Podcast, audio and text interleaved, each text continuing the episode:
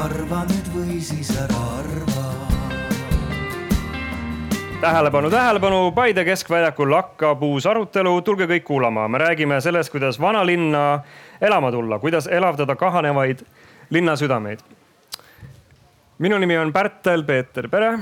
mina olen selle vestluse moderaator, mul on siin neli väga teadjat, kogenud äh, inimest, kes äh, hakkab vanalinna ja elamisväärse keskkonna teemal kohe arutlema. meie armas väike publikum on ka siin. Teie käest me kindlasti saame küsida küsimusi ühel hetkel, kui te tõstate käe. kõik on teretulnud juurde tulema ja lahkuma. me räägime üsnagi elulisel äh, teemal äh,. ma loen selle ametliku briifi ette et meil oleks kõik sama häälestus.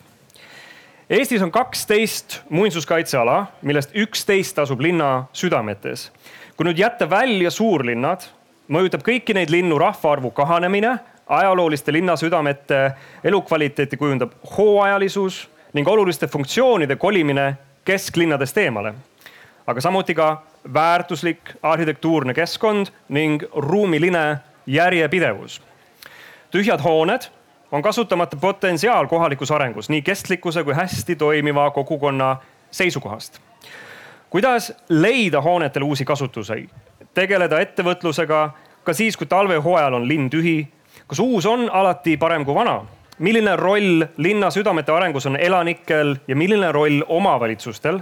Need on vaid mõned küsimused, millele me tänases arutelus siin püüame vastuseid leida hüüdlause vana linna elama. tekstis on siis vana on sulgudes, linna elama, vana linna elama. Selle hüüdlause taga on soov leida üles pärandi potentsiaal, näha mitmekesise linnalise keskkonna elamisväärsust ja panna linna südameid elama. hästi toimivas väikelinna südames on kõik eluks vajalik käe-jala juures, olemasolev keskkond on inimsõbralik ja mitmekesine küsimus on nüüd, daamid ja härrad, kuidas jõuda selleni kahanevates linnades. Minuga siin on, alustame vastaspoolt, on äh, Siim Raie, Muinsuskaitseameti peadirektor. Madle Lippus Elavast tänavast, MTÜ-st äh, Elav tänav. Rainer, Rainer Eidemiller Paide Äh, Srik ja Eimar Veldre, kes on ka Paide vanalinna elanik ja aktiivne kodanik. nüüd ma paluksin teil lühidalt öelda, millega te tegelete, mis on need tiitlid ja ametid teie taga ning öelge lühidalt üks teema, mis te arvate, mis on täna vajalik läbi arutleda, mis on see üks kriitiline asi? hästi lühidalt, palun. Äh mina äh, tööalaselt äh, olen rahandusministeeriumis seotud regionaalhaldusega, siin Järvamaaga seotud, aga väga pikalt olen tegelenud hoopiski säästva renoveerimise teemaga ja siis Paide sellise kogukondliku eluga. ja, ja see, mis on minu jaoks oluline, üks väga oluline teema on, on ühest küljest see demograafiline probleem, et meil siin rahvastik väheneb Kesk-Eestis väheneb ta isegi rohkem kui kuskil mujal Eestis. ja teise, teistpidi jällegi see elukeskkonna probleem. et, et see elukeskkond oleks siin äh, vähemalt sama kvaliteetne kui, kui suuremates kohtades, mis on omavahel muidugi loomulikult seotud, et kaks asja mm. -hmm. palun. tere kõigile, Eimar. Äh, tööalaselt töötan Paides äh, linnavalitsuse sotsiaalosakonna juhatajana ehk siis läbilõige inimeludest jookseb, jookseb minu lauale. minu üks töö on aidata minu meeskonnatöö inimesi, inimeste elujärge.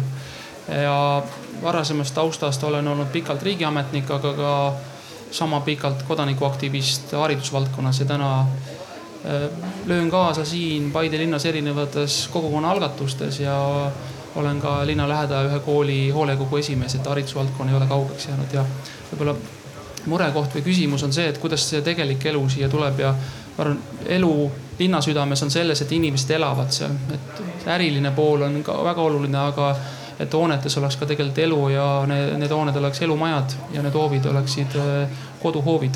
et kuidas me seda poolt saaksime teha, sest äh, vana linnasüdame muinsus, kaitse all oleva linnasüdame omanikul on veel teine hool ju kõrval, lisaks oma kodule hoida, aga kaitsta seda muinsust, et mm. -hmm. see on nagu kindlasti nagu selles oluline, et kui me tahame siia elu, siis me peame mõtlema, kuidas siin saab elada. suurepärane, palun ja tere, mina olen Madle Lippus, olen algatusest Elatänav.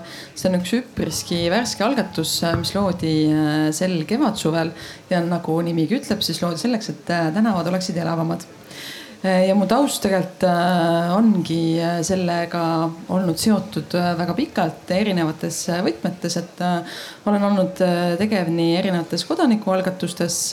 tegelikult viimased neli aastat töötasin riigisektoris, küll puutudes tihedalt sellesama teemaga kokku ja kui lühidalt öelda, et mis minu arvates on kõige suurem probleem, millega peaks tegelema siis äh, nii-öelda üldistades terve Eesti peale tundub mulle, et, et oluline on see, et, et meil oleks selge ruumipoliitika. et kui me vaatame seda nii-öelda, kuidas ja millest äh, lähtub äh, riik või nii-öelda, millised on riigi visioonid, siis see ruumi osa on seal sageli puudu, see on olematu kuigi see tegelikult kõik eluvaldkonnad on väga nagu tihedalt seotud sellega, milliselt, millisena, milline on meie ruum ja ka milline on meie avalik ruum ehk tänav ja kui konkreetsemalt rääkida Tallinnast, sest hetkel me noh, alles alustasime oma tegevust, me oleme fokusseeritud Tallinnale, hetkel eelkõige plaanime küll laieneda üle terve Eesti. aga Tallinnas mingit pidi me võime öelda, et see visioon on olemas. meil on olemas mingisugune strateegia, aga nüüd on meil vaja hakata, et need strateegiad ellu viidaks ja see on võib-olla teine väga suur oluline küsimus minu jaoks, et kui me oleme siis need nii-öelda kokkulepped saavutanud, et kuidas või isegi ma ei tea, see on läheb võib-olla liiga detailseks, aga ühesõnaga ma ütleks, et me peame neid kokkuleppeid ellu viima. tere minu poolt ka, mina olen Siim Raie, nii hariduselt kui ametilt muinsuskaitsja ehk siis muinsuskaitseametnik. ja ma arvan, et temaatiliselt minu kõige suurem, kas nüüd vist mure, aga aga selline fookus on ikkagi täna, kuidas need ajaloolised linnasüdamed kasutuses hoida kuidas hoida kultuuripärand kasutuses, et äh, me ei kardaks teda, et me vastupidi tahaks elada sellises ajaliselt ja ehituslikult mitmekesises keskkonnas ja väärtustaks seda. et äh, kasutamine ja väärtustamine korraga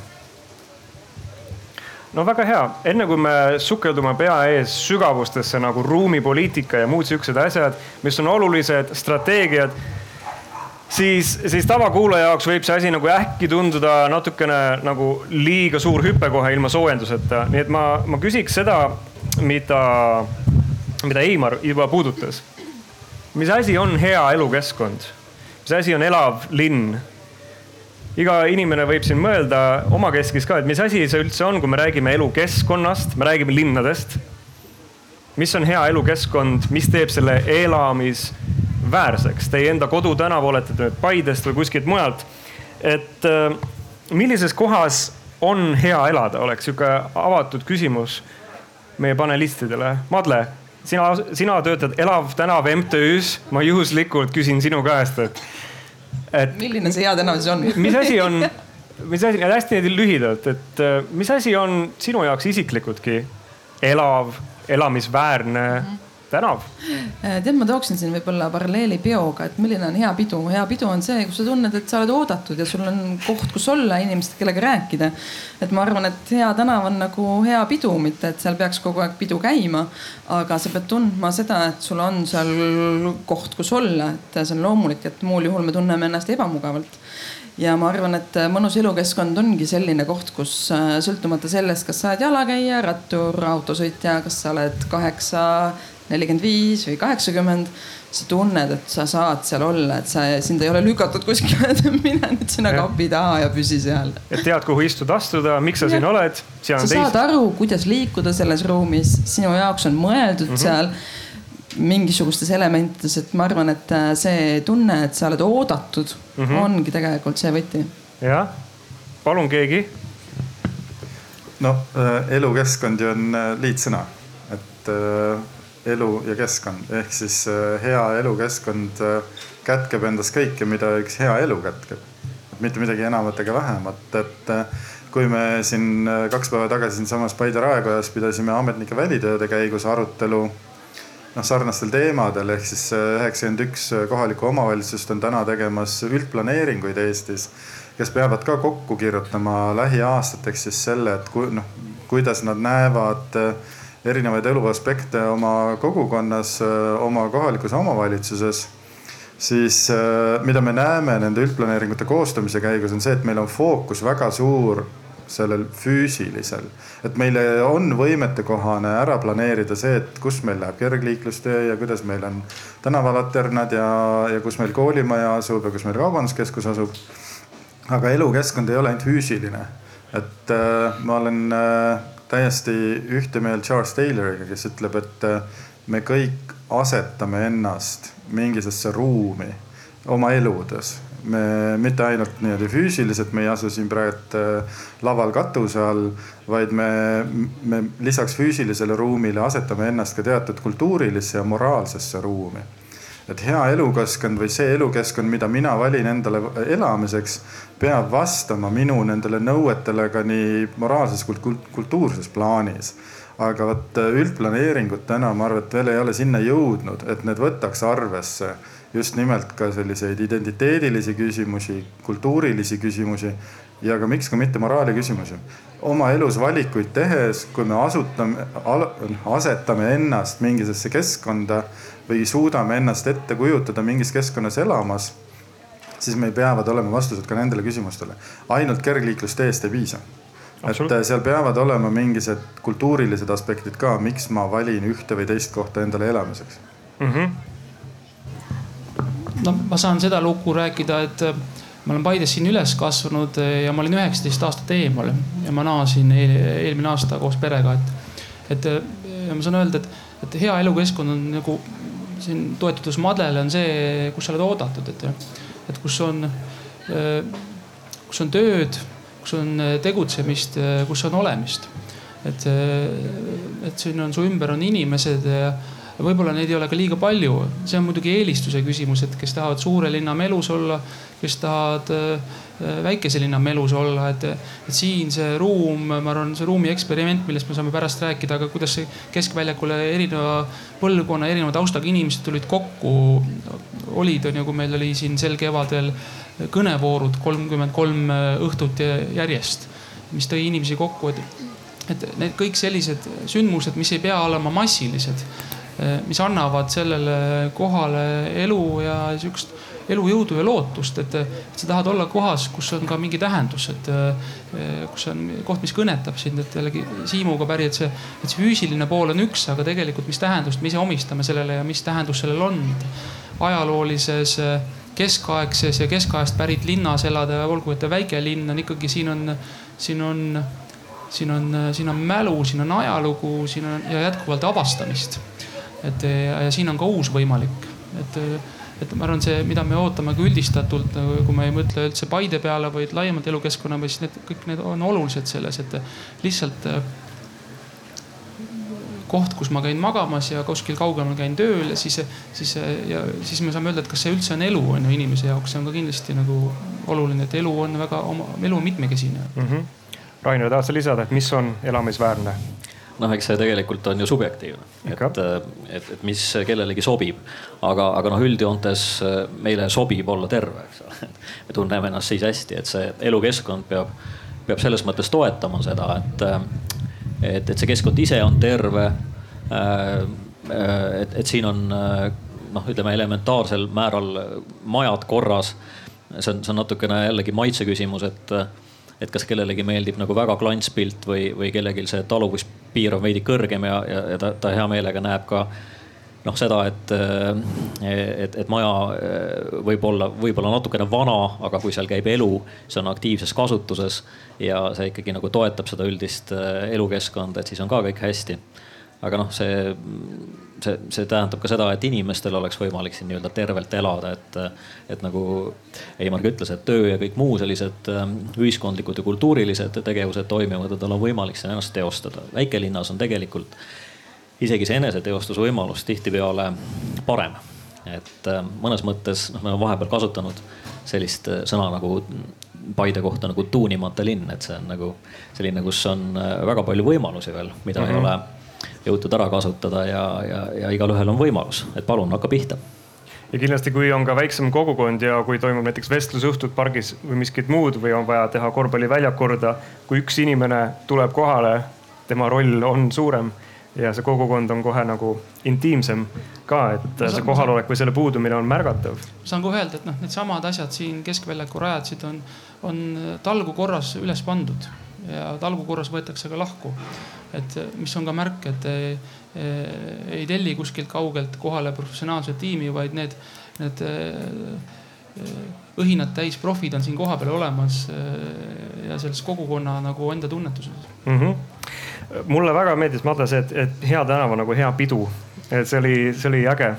Ja, ja kõige selle õhinas ma olen unustanud ennast tutvustada, et see on asjakohane siin mainida, et mina ise olen tegelenud linnastrateegina viimased aastad, kus minu töö on olnud siis tegeleda kõige sellega, mis me räägime siin täna, aga mitte arhitekti vaatevinklist, sest ma pole arhitekt, vaid linnastrateeg, mis, kus me oleme tegelenud ühes ettevõttes selle küsimusega, kuidas talente ehk kuidas inimesi meelitada linnadesse elama. Et mis teenuseid peavad linnad ja riigid näiteks pakkuma ja mida nad peaksid tegema ka enda avaliku ruumiga, sest avalik ruum, see elukeskkond, kus me siin oleme, kogu oma mitmekesisuses, kuidas me seda täna lahkame, see mängib väga suurt rolli. eriti väikelinnade puhul, kui me räägime rahvaarvu kahanemisest, inimesed lähevad väiksematest linnadest suurematesse, see on, see on trend, mida me näeme igal pool Põhjamaades, Euroopas, mujal, kõik lähevad suurtesse linnadesse, sest seal toimub asju, lühidalt öeldes. siis kui väiksem linn tahab öelda, olgu ta Paide või mõni teine, tahab öelda, kuulge, aga tulge siia elama. sest siin on äge. sest siin on õdus, inimesed tunnevad teineteist, seljad pannakse kokku, inimesed ütlevad tere, uksi ei lukustata, säärases vaimus asjad.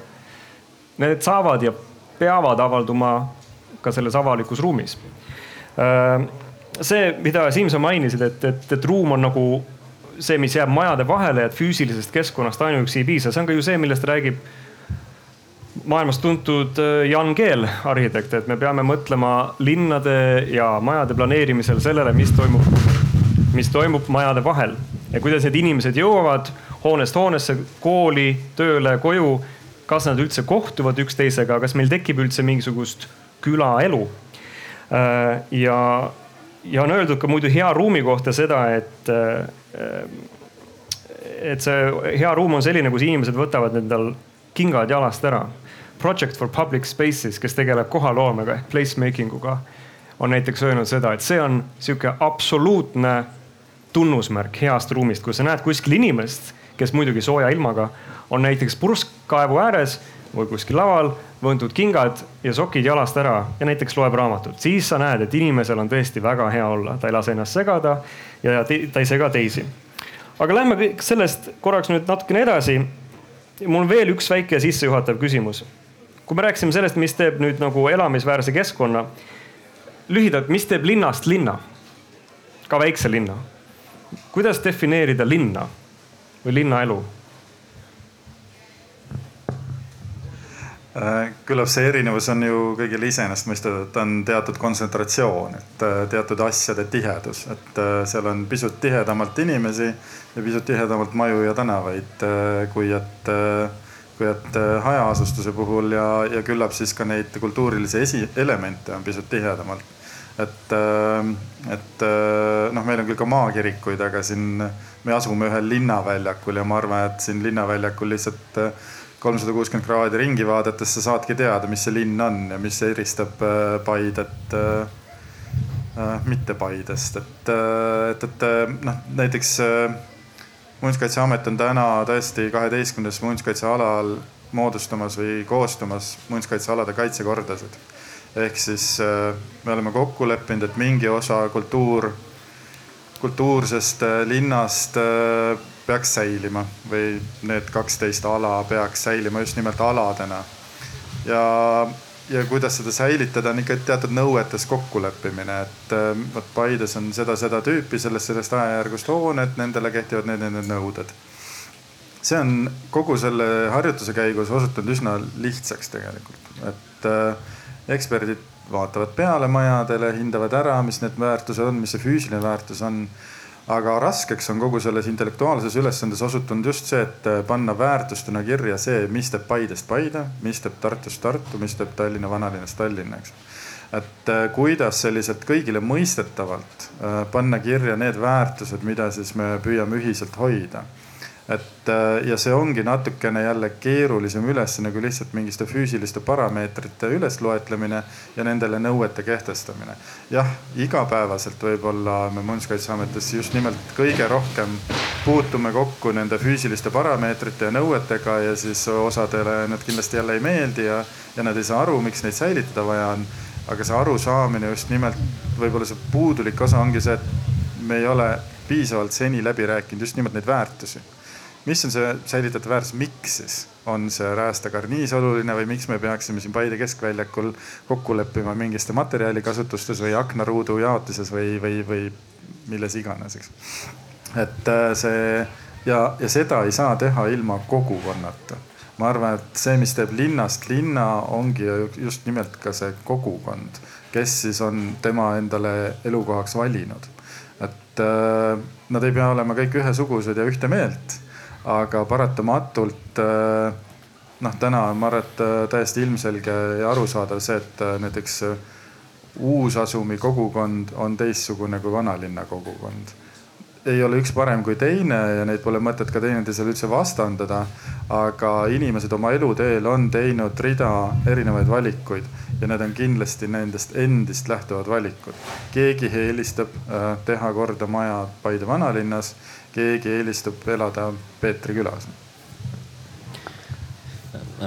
ma ütleks veel teise poole siia juurde, et, et üks, mis linna linnaks teeb ja millega peab arvestama igaüks, kes siia elama tuleb, on tegelikult seesamas avalik huvi, millest eh, Siimul meeldib rääkida, et, et avalik huvi, see on linnas kindlasti suur, millega peab arvestama, see on ajalooliselt alati nii olnud, et kui vaatame keskaegseid linnu, siis noh tegelikult ikkagi ühiselt kogukonnana otsustati äh, kuni sinnamaani välja, äh, kuidas hooned peavad paiknema, millised nad peavad olema, kui palju on äh, erineva elukutse esindajaid ja nii edasi, et noh, see oli see kogukondliku elu võib-olla nagu see üks külg et meie oleme tänapäeval palju individualistlikumad, aga siiski see avalik huvi, millega siin tuleb arvestada, on, et seesama see kesk, keskväljaku teema, et loomulikult igalühel on omad erahuvid aga, aga me elame kõik koos ja linnas on see avalik huvi nagu, nagu äärmiselt oluline, millega, millega tuleb arvestada, et äh, see on suurem kui, kui kuskil üksinda metsas elades kahtlemata mm. -hmm. pakun, et linnast teeb linnaga see lugu, mida see koht räägib. et, äh, et meil on Eestis äh, aleveid ja alevikke, mis on mõnedest linnadest suuremad, aga nad ei ole linnad. mõni on teadlikus valikus, et et miks ta ei ole ka pürginud näiteks linna staatuse poole, noh kasvõi asula liigi, liigituses, ilma et tal peaks olema eraldi omavalitsus, et. et ma olen neli aastat oma elust elanud ka Sakus ja Saku alev või alevik on rahvaarvult äh, Türiga võrreldav. ja, ja seal elades ma tean, et seal on ka olnud pidevat debatte selle üle. teadlik valik on, et me oleme ikkagi sellisem äh, ma maatüüpi keskus, tihe, aga ikkagi pigem maatüüpi. et need on kohtades valikud, et Paidest linna see, et eh, tuhat kakssada üheksakümmend üks eh, ta sai eh, linna staatuse, tunnustati linnana. Ja see, see pikk lugu seal ja selle sees heitlused sellest, et see linna staatus vahepeal kaotati ja kodanikud võitlesid selle tagasi ja kõik need asjad, kuni ma arvan tänaseni välja, et meil on tegelikult ju sisuliselt on Paide vald, aga selle nimi on Paide linn. et kui hakata tulema Tallinna poolt või hakkate tulema Rakvere poolt või, või hakkate Tartu poolt tulema, siis äh, linn hakkab kuskil metsa vahel peale ja läheb mõnda aega, kuni tegelikult siia äh, linn-linna jõuate. et see peegeldab ka seda, et see, mis lugu see koht räägib ja mis, mis ja kuidas kogukond seda lugu hoiab ja oluliseks peab, et noh, selles võib oma jonnakuse moment olla, aga see on noh, need on asjaolud ma või, võib-olla kui tõesti tahta veel väga teoreetiliselt nagu linna defineerida, siis äh, kul-, nii, mitte nagu halvustavalt, aga, aga kultuuriliste seoste arv linnas on suurem. noh, kultuuriline tähendab kõike tähenduslikud seosed inimeste vahel. kui inimesi on rohkem, siis nende vahelisi seoseid on rohkem, mis tähendab ka seda, et sellist kokkuleppimise vajadust äh, linnaelus on rohkem ja näiteks miks on needsamad üldplaneeringud hetkel väga olulised, ongi see, et üldplaneering pole mitte midagi muud kui üks kokkulepe. kokkulepe põhimõtteliselt kohaliku kogukonna sees, kuidas me koos toimime ja, ja kui sellele just nimelt nendele tähenduslikele seostele ei pöörata piisavalt tähelepanu kus jäävad mingid huvid arvestamata, eriti avalikud huvid arvestamata, siis, siis tavaliselt see üldplaneering ei tööta. varem või hiljem on mingi konflikt, ükskõik kas siin, ma ei tea, üleeilne puude mahavõtt Viljandis või, või ma ei tea, Umami restorani mahavõtt Tallinnas mõni aasta tagasi. et, et, et igal juhul seda kokkuleppe kvaliteeti selline ähm, ja elukvaliteeti, ma arvan, et see poleemilisus mõõdab hästi mm. -hmm. palun ja ma tahtsin lihtsalt jätkata, et, äh, et tõesti ühtepidi on oluline see või noh, mis teeb linnast linna on ju, ma arvan, me oleme siin kõik nõus selles, et äh, teeb tihedus ja teeb kogukond. Äh, ja mis võib-olla lihtsalt nagu peegeldades neid protsesse, millega ma viimasel ajal kokku olen puutunud ja tegelikult me oleme neid kaitsekordi Siimuga siin viimased kaks-kolm aastat koos pusinud et mis meie või noh, minu jaoks ja tollal ka Muinsuskaitseameti jaoks, ma arvan, oli väga huvitav, oli see, et et kui palju tegelikult inimestel on kaasa rääkida selles, milline on nende elukeskkond, et tegelikult tõesti see huvi nende kokkulepete sõlmimise vastu, ma olen Siimuga siin väga nõus, et või noh, ma arvan, et me kõik oleme nõus jälle, et, et üldplaneering on kokkulepe või muinsuskaitse kaitsekord ka on kokkulepe, et või strateegia Tallinn kaks tuhat kolmkümmend viis on kokkulepe, mis me kõik ühiselt sõlmime selleks, et kokku leppida, et, et mis me siis selle linna või mis me selle ruumiga pihta hakkame ja mis minu kogemus kõigi nende protsesside juures on, mis on minu arust nagu super tore, on see, et, et inimestel ongi huvi kaasa rääkida. et mida me võib-olla kogesime ka selle muinsuskaitsealade kaitsekordade koostamise juures oli see, et, et väga oluline on see, et, et mis küsimusi sa neilt sealt küsid. et äh, sul ei ole mõtet minna küsima, et äh, mida sinu arvates ja kuidas kaitsma peaks, sest see on väga spetsiifiline küsimus. et see, kus me alustasime seda dialoogi, oligi see, et, me hakkasimegi rääkima neist samadest väärtustest. et mida, mis teeb täpselt, et mis linnaelanike jaoks teeb Paidest Paide või Kuressaarest Kuressaare. et ma arvan, et see on palju nii-öelda noh, olulisem või küsimus, millega inimesed ennast igapäevaselt palju tihedamalt seostavad, mis on neile tegelikult oluline. ja jällegi, et kui siis selle vastu eksida neis igapäevategevustes, ma ei tea, meil siin väga hea näide praegu Kadriorus elava tänavaga paneme pollareid maha, onju. see ei seostu inimestel Kadrioru identiteediga ja sellest tekibki nagu noh, see, see võib olla isegi printsiibis see asi, mis sa teed on nagu võib-olla õige või hea või sobiv. aga kui ta nagu nii-öelda on läbi rääkimata ja, ja, ja konflikteerub nende mingisuguse väärtusarusaamaga äh, sellest nende keskkonnast, siis tegelikult sealt tekib see probleem mm. -hmm. ja noh, sellepärast äh, ma arvan, et see kaitsekordade protsess on meil väga hästi läinud senini.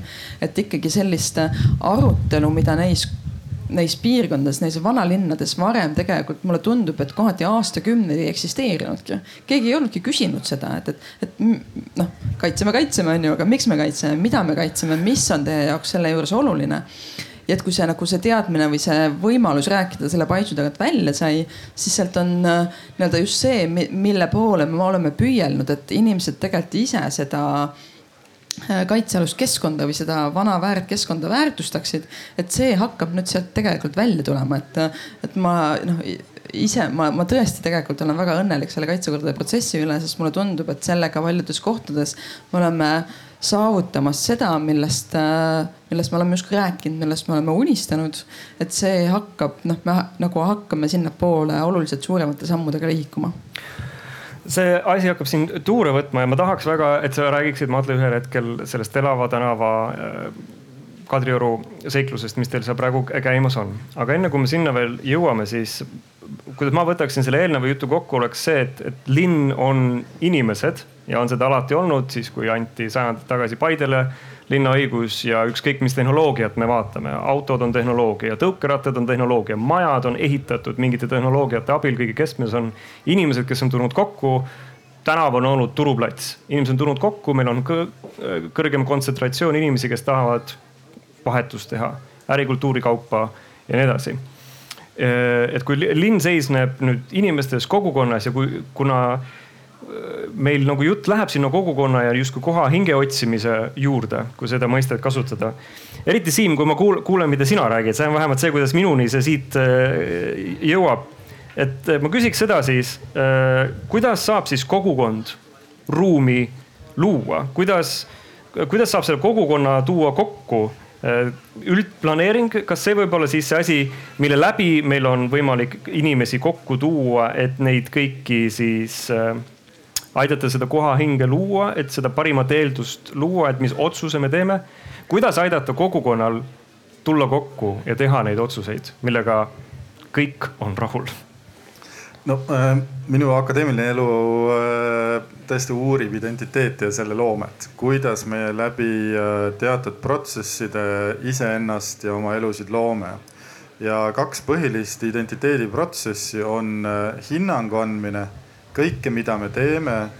täna siin terve kolmkümmend viis inimest ma lugesin, tõenäoliselt hetkel annavad hinnangut sellele, mida mina suust välja ajan, eks ja annavad seda läbi oma prisma, läbi selle, mida nad seni on tundnud, teadnud ja oma elus kogenud. et kas Raia ajab mõistlikku juttu või pläma, eks. et me, me pidevalt anname hinnangut, iga päev anname tõenäoliselt mingi kaks miljonit hinnangut kõigele.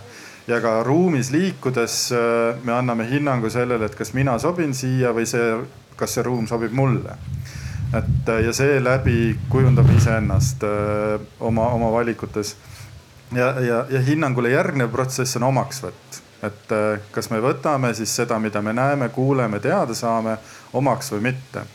liikudes läbi Paide vanalinna, me vaatame, et ohoh, siin on see ja too ja siis lõpuks ütlemegi, et see on minu oma, eks ju. või see võiks minu oma olla või see võiks minuga kokku sobida et äh, see identiteedi kujunemine Mart ka linnadel selles mõttes, et on suht sarnane nagu need sotsiaalpsühholoogilised protsessid. et äh, tegevus on see, mis kujundab meid kõige enam. me küll siin praegult äh, räägime hästi palju, terve Arvamusfestival, aga see, mis meid tegelikult kujundab, on see, mida me teeme. ehk siis, kui sa igapäevaselt tegutsedki siis selle kogukonna nimel, siis kujundab see nii sind kui kogukonda. et või siis sind ja linna, eks ju, milles, milles, milles see kogukond asub. kui sa tegutsed kogukonna nimel. just nimelt, et äh, see, mis meid tegelikult ühendab, on pühendumine et äh, väga tihti hakatakse otsima ühisosa, et äh, mis on täna siin meil, ma ei tea, sarnast, eks. et äh, vaatame kõigile siin viiekümnele inimesele, kes silmapiiril on otsa. Me tõenäoliselt ei jõua mingistele füüsiliste parameetriteni, mis, mis meid ühendaks. aga see, et me oleme praegult siin ja tahame sellel teemal kuulata ja rääkida, on pühendumine see kirjeldab meid palju paremini kui see, et me hakkaksime mingit demograafilist ühisosa otsima ehk siis äh, ma arvan ka, et just nimelt tegevus ja pühendamine on see, mis kujundavad nii linnasid, identiteete kui ka kogukondasid. et selle ühisosa võib ka otsida ja ma arvan, et paljudel puhkudel seda tehaksegi, eriti just kogukondade puhul. aga, aga pühendumine millelegi, millelegi eesmärgile. et äh, ja see, ja see eesmärk muidugi tuleb kokku leppida et äh, ma arvan, et selles mõttes asumiseltsid on suurepärane näide sellest, kus inimesed tulevad kokku lepivad kokku, kuhu suunas joosta ja siis hakkavad ühes, üheskoos sinnapoole jooksma mm. -hmm. Nad võivad olla täiesti erinevate elualade inimesed. Ma arvan, see kogukond on niisugune hästi popp sõna ja ta, ma arvan, viimasel kümnendil saanud veel popimaks, et ja alati on nagu noh, et mida see tähendab siis ja mida ta kellelegi tähendab, et. pühendumist. ta tähendab ühelt poolt pühendumist, aga tal on nii palju erinevaid tähendusi, et kui sa vaatad nagu ametniku pilgu pealt, siis kogukond, need on mingid inimesed kuskil seal selles asumis või piirkonnas ja nii edasi või selle tunnuse järgi grupp on ju, et äh,. aga no ma tegelesin siseministeeriumis turvalisusvaldkonnas selle kogukonna teemaga kaheksa aastat ja, ja et kuidas see noh kogukonnapõhist turvalisust või kogukonnakeskne turvalisus, mis see on, et siis see, see ongi, see kogukond on äh, see, kuidas inimesed iseennast määratlevad.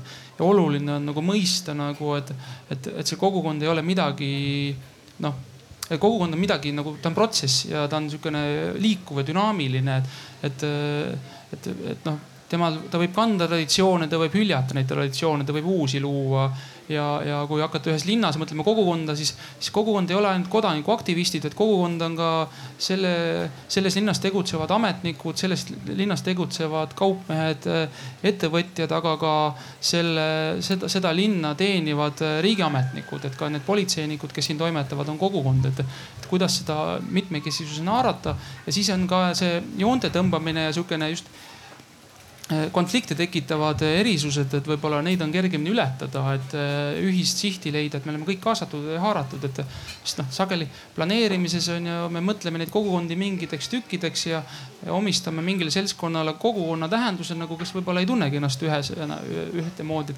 tuleb arvestada, et seda kogukonda on sihuke nagu ujuv mõiste, aga ta on see, mis aitab meil ka kokku tulla, et ta on hästi kaasav mõiste ja et ma siit ongi nagu hea haakuda sellega kohe, et eh, jah, see kogukonna jutt on, on, eh, see sõna on nagu nii ära kasutatud juba minu arvates tegelikult eh, kogukond ei ole noh, mingi läbinisti positiivne nähtus alati, et, et me teame ajaloost ka seda, et kui kogukond mõtleme kasvõi libahundide raamatu, eks ole, peale või mille iganes peale, et, et kogukond võib ka väga ahistavaks muutuda ja nii edasi, et see ei ole nagu eesmärk omaette.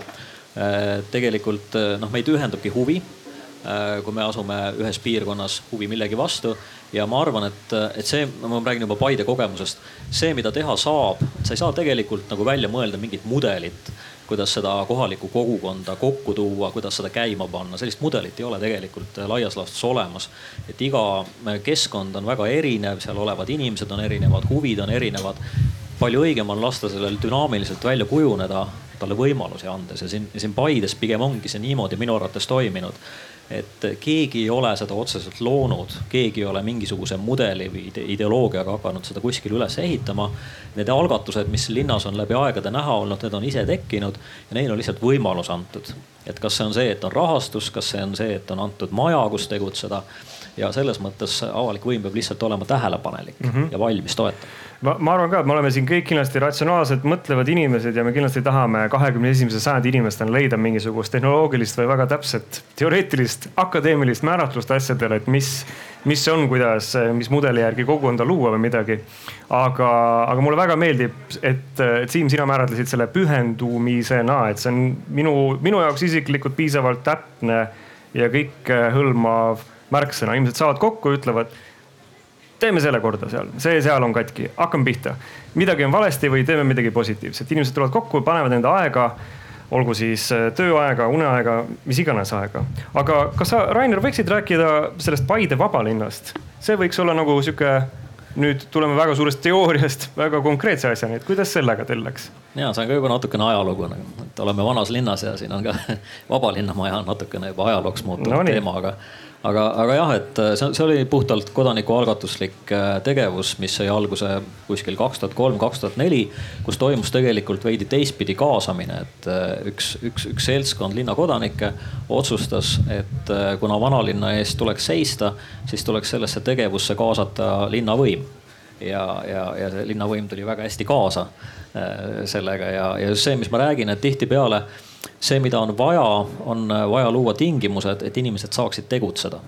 ja, ja meie puhul oli see see, et, et tollel ajal siin Tallinna tänav üheksa üksteist, kus praegu on siis muuseum ja hooned renoveeritud. Need majad seisid tollel ajal tühjalt ja, ja, ja mõte oli selles, et, et anda see kogukonna kasutusse see kõik sai alguse säästva renoveerimise liikumisest ehk siis sellest, et sellisele nagu teoreetilisele huvile Paide ajaloo vastu võiks teha midagi praktilist. noh näiteks õpetada majaomanikke, kuidas siis hooneid tuleb korras hoida, koguda selle jaoks vajalikke vanamaterjali, panna selline väike pood püsti äh, ja nii edasi ja, ja see maja andis võimaluse neid tegevusi teha. linn toetas seda rahaliselt ja see oli, see oli väga oluline tugi. Ja mingil hetkel lihtsalt me saime ise aru, et, äh, et see säästev renoveerimine Äh, noh, see, see on seotud, palju laiema maailmapildiga. see, mis praegu meil on iseenesestmõistetav, me räägime siin igal arutelualal kestlikkusest ja säästvast maailmavaatest, siis tollel ajal see sugugi nii ei olnud, seda tuli avastada päris palju.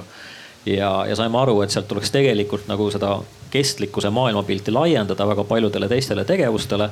ja me tegelikult hakkasime eksperimenteerima, et mis töötab kellelgi ei olnud äh, mingit valmis mudelit, mismoodi seda oleks valmis ehitada, ei olnud mingisugust plaani, mingisugust kava, see aasta teeme seda, järgmine aasta seda. et pigem tuli eksperimenteerida, mis töötab ja, ja sellisele säästva renoveerimise teemale tuli palju teisi kogukondlikke algatusi juurde, et äh, noh, Paides ei olnud näiteks kunstigaleriid, siis, siis, siis me lõime selle kunstigalerii ja see töötas seal ähm, või siis noh, kuni see, kuni sinnamaani välja, et andsime välja oma ajalehte. lõpuks andsime välja ka oma raha. Aha. korraldasime erinevaid kultuuritegevusi, ennistasime vanu jalgrattaid, rentisime neid välja.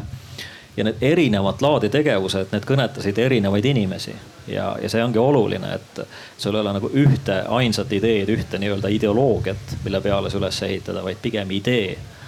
see, see esmane impulss, mis võib äh, eksperimenteerides erinevate asjadega väga erinevalt väljenduda ja see kaasabki kogukonna liikmeid kõige paremini, sest linnakogukond on väga kirju. ja, ja sa pead neile andma neid erinevaid võimalusi. ja võib öelda, et nii kaua, kuni meil see füüsiline keskkond eksisteeris, nii kaua see minu hinnangul toimis väga hästi. hetkel seda ei eksisteeri enam, aga, aga me loodame, et me saame selle mingil kujul jälle üles ehitada. kas sa saad öelda, enne kui me edasi läheme, kuidas te maja saite? maja kuulus linnale ja meil oligi selline kokkulepe, et äh, kui me seda sisustamine, sisustame sellise kogukondliku tegevusega, sellist sõna siis veel ei kasutatud aga noh, kokkuvõtvalt. et siis me saame seda kasutada ja noh, see ei olnud selline suletud seltskond, see maja oli avatud, eks ole, kõigile. üks asi, mis me tegime ühe esimese asjana, ma, ma ka pean väga oluliseks tegevusi, et see, mis seal majas väga palju toimus, olid näiteks talgud, lõputud ehitustalgud ja, ja, ja kõik muu selline aga tegelikult üks esimesi tegevusi oli see, et ausalt öeldes me kirjutasime ise kokku vanalinna arengukava, arenguvisiooni. täiesti puhtalt linnakodanike poolt andsime selle linnavõimule üle, palun võtke, kasutage, see hiljem kirjutatigi linna arengukavasse sisse. ja sinna sisse oli kirjutatud see, et see maja peab sellise, sellisel moel olema eh, kasutuses. aga ometi ei ole, et olete majast ilma? ja et noh, see on jälle selline kogukondlik mõtlemine ja nii-öelda see, mis ma räägin selle avaliku huvi peale mõtlemine, et me oleks võinud hakata ju kõvasti trummi taguma, et kuidas nii, et meie oleme siin olnud ja, ja tahame edasi olla ja teisipidi meil loomulikult ei olnud nagu nii suurt äh, võimekust ja rahalist ressurssi, et seda hoonet täiel määral korda teha, nii nagu te praegu näete, need Tallinna tänava üheksa, üksteist hoonet. sa pead mingil hetkel aru saama, et mis on nagu üldistes huvides, et, äh, et, et võib-olla meil tõesti tuleb taanduda. võib-olla on kuskilt äh, mujalt võimalik seda ressurssi rohkem sisse tuua, et kogu see keskkond paremini üles ehitada, et, et, et need hooned säiluksid. ja, ja küll me siis äkki leiame uue võimaluse tegutsemiseks, et et noh, sa pead natukene vaatama neid huvisid laiemalt kui, kui ainult see oma vaade sellele, mis sinu arvates on kogukondlik, et lihtsalt nagu seda tahan rõhutada, et mm -hmm. me iial ei püüdnud seda defineerida. sul on pigem selline laiem, laiem idee ja eesmärk, et see ei oleks liiga kitsas mm. -hmm. see on, see on fantastiline näide ja, ja see resoneerub sellega näiteks, mida, mida mujal on ka näha Skandinaavias näiteks Norras, sihukeses väikses linnas nagu Arendal need, kellel on väiksed lapsed, tunnevad selle nime ära sellest äh, multikast Frozen, aga sihuke linn nagu Arendal on päriselt ka olemas, väike linn. ja, ja seal oli sama asi, see linn läks ühel aastal pankrotti. sihuke asi on Norras võimalik ja siis oli seal samasugune väike linnu kummitav mure, et majad seisid, vanad majad, ilusad majad keset linna seisid tühjalt kasutamata. mõni eraomanduses, mõni linnaomanduses, mida teha ja samamoodi inimesed tulid ise kokku, öeldi, no kuulge, me kõik saame aru, et jama on leiame mingi viisi, me teeme siin korda, putitame jõudumööda äh, ja proovime siin midagi teha. ja, ja saadi niimoodi täitsa programm käima ja rahalist toetust ja siis seda asja uuritakse välismaalt ja mujalt. Levende lokaaler ehk elavad lokaalid oli selle asja nimi. ja kui sa ütlesid, et tegite oma raha ka, siis see meenutab omakorda küll mitte vanalinna, aga Amsterdamis näiteks on üks väike saareke, äh, De Keuvel C-tähega, kus siis, äh, mis on sihuke nagu nihuke mahajäetud pooltehase tööstuslik tüüpi äh, kant ja siis seal hakati ka öeldi, et kuulge, me teeme siin need kuurid korda. seal hakati oma õlut tegema. Äh, sinna loodi nii-öelda transpordiühendus äh, üle, üle mere, üle vee ja hakati oma krüptorahaga tasuma. et see oli nagu osa sellest asjast ja niimoodi saadi näiteks linn pardale, kes siis lubas neil seal teha ja, ja pani oma väikse, väikse rahalise toega alla, et öeldi, et me teeme siin sihukest krüptokogukonna eksperimenti ja Amsterdami linn oli kohe, et oh krüpto, jah, väga hea, meie tahame selle märksõnaga väga figureerida, jumala eest, andke minna. et see on nagu väga-väga kaasaegne ja väga värk, mis te siin tegite aga niimoodi on tehtud ka uues maailmas, Madle, kas mitte? kunagi, kunagi ammu jah, siis kui ma olin noor. Nonii aga tegelikult ma ei tahtnud üldse sellest rääkida. räägi, millest sa tahtsid rääkida ma tahtsin tegelikult rääkida sellest, et, ähm, et ühesõnaga ühtepidi ma olen nagu nõus sellega, et äh, kogukonda ei saa võib-olla või noh, sa ei tohiks nagu forsseerida selle tekkimist ja sellel on nagu praktikatel on hästi suur roll ja nii ja naa, onju. aga teisipidi äh, ma arvan, et ainult see nii-öelda füüsiline ruum ja füüsilised tegevused ei ole need, mille läbi sa kogu noh, kogukond võib-olla on halb sõna jah, aga ütleme sellist nagu fookust äh, võib-olla mingis piirkonnas või mingile teemale kasvatada, et, et näiteks see, millega me elava tänavaga tegelikult tege, teha, tegeleda tahame.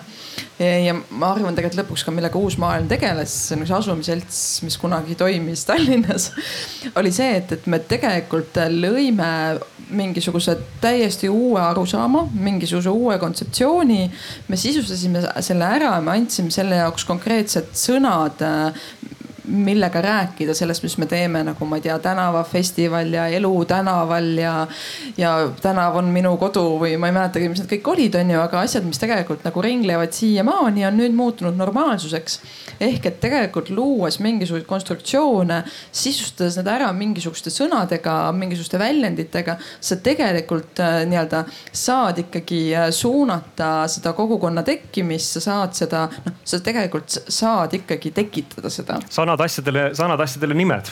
just, sa nii-öelda Täh,. tähenduse koos nimega. jah. tähendus. see on tähenduse. jah, tähenduse.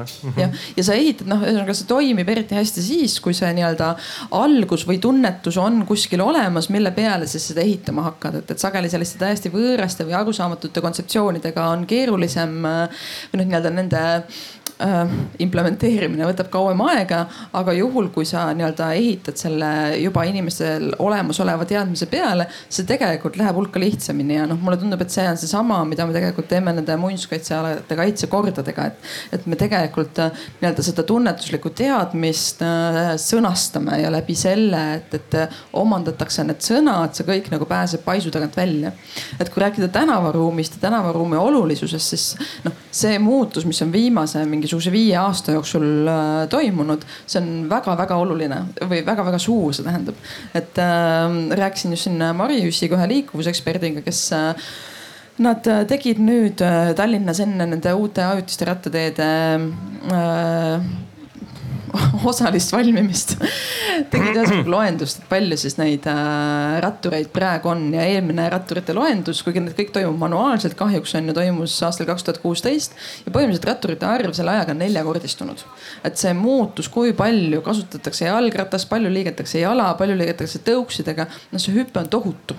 et tegelikult inimeste ja sellest tulenevalt ka inimeste vajadus teist tüüpi ruumi järgi on, on oluliselt suurenenud see praegu, kus see nii-öelda on välja jõudnud, on see, et, et, et omavahel justkui on nagu tülis ratturid ja tõuksi inimesed ja jalakäijad. sest nad on kõik nagu surutud sellesse ühte väiksesse kitsasse kõnniteeruumi, kuhu nad ära ei mahu ja, ja mis noh te, tekitab tegelikult põhjendamatuid konflikte ja see, mis me elava tänavaga teha tahame, ongi see, et, et me nii-öelda tegeleme selle tänavaruumi mõtestamisega, me tegeleme selle lahti selgitamisega. me äh, tahame näidata neid reaalseid kohti, kus need konfliktid tekivad. et tegelikult see nii-öelda probleem või konflikt ei ole selles, et, et meil on rohkem jalgrattureid või et meil on rohkem tõuksi inimesi. probleem on tegelikult seal, et see ruum, mis neile linnas on jäetud, on liiga väike. kui me vaatame nii-öelda ühtepidi me võime noh ja võib-olla paljudele see jääb nii-öelda käsiteldamatuks on ju, kui rääkida kliimaeesmärkidest kuigi ka need on tegelikult olulised, et miks me liikuvust peaks vaatama, aga vaadates lihtsalt kasvõi seda praktilist igapäevast tänavapilti, et kui palju meil erinevate liikumisviiside kasutaja, kasutajad on muutunud me peame tegema muutusi ka selles äh, nii-öelda tänavaruumi jaotuses. aga selleks, et me nende nii-öelda muutusteni jõuaksime on siis meie eesmärk või see, kuidas me elava tänavaga oma tegevust mõtestame, on põhimõtteliselt me tekitame ja me sõnastame selle nõudluse, et inimesed saaksid hakata seda küsima. ja kui korraks kuna sa elavast tänavast juba rääkisid, siis on MTÜ, mis siis Tallinnas äh, tegutseb, teil on mõtteid kunagi laieneda ka mujale Eestisse.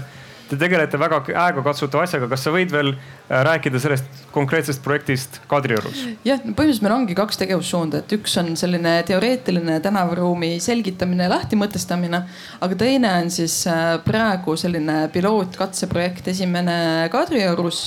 see on vana, tähendab siis uue, uue telemaja ees Felmani kollase Tobiase tänava kvartalis kus äh, ühesõnaga peale Gonsiori tänava ehitamist muutus liiklus seal äh, või nii-öelda ümber äh, renoveerimist, muutus liiklus seal väga tihedaks. samal ajal äh, noh, see on nagu sihuke tüüpiline Tallinna asumisiseste tänavate näide, kus kõnniteed on hästi kitsad, autodele mõeldud ruum on hästi lai. tulenevalt sellest, kuigi tegemist on kolmekümne kilomeetri alaga, on kiirused hästi suured, see põhimõtteliselt tõesti on nagu sihuke lennuväli, et, et, et mine sinna, vajuta gaas põhja ja ongi hästi vahva et äh, see, mida me selle oma projektiga tegelikult teeme, on see, et, et, et me sellise no see nimetatakse nii-öelda taktikaliseks urbanistiks, urbanismiks või selliseks eksperimendiks. me tegelikult äh, võimalikult käepäraste vahenditega kujundame selle ruumi ümber, et äh, pollaritega nii-öelda tõmbame seda või on juba tõmmatud või õigemini siis Tallinna linnavalitsus tegelikult tõmbab Teie MTÜ on rääkinud linnavalitsusega. meie MTÜ on teinud ettepaneku, mõelnud välja, teinud joonised, et, et kuidas see ruum võiks seal nii-öelda ümber kujundatud saada. ja Tallinna linn nüüd üritab selle projekti realiseerimisega hakkama saada mm. -hmm et, äh, et ühesõnaga, et see on see jah, kuidas me üritame seda, et teha siis kahte asja korraga. et ühelt poolt luua need raamistikud, luua need mõisted, aga tegelikult selle konkreetse muutusega Tallinna linnaruumis need ka kohe praktiliselt ära sisustada, et meil oleks öelda, et vaada, sest Tallinnas ei ole ju head linnaruumi. et vaadake, et, et siin tegelikult on see koht, kus, mis on tehtud nende põhimõtete kohaselt ja et see tulemus ja need mõjud ümbritsevale on järgmised. väga praktiline. ma arvan, see liikumine on üks oluline asi. et, et tegelikult millist liikumist meil on vaja ja millised liikumisharjumused meil on, et, et väikelinnas sihukest kogukonna, kogukondlik liikumine äh, on see, et, et see sisaldab suhtlemist. et kui on autod ja muud värk, siis tegelikult on ju ta on nagu ruumist lased läbi lihtsalt onju.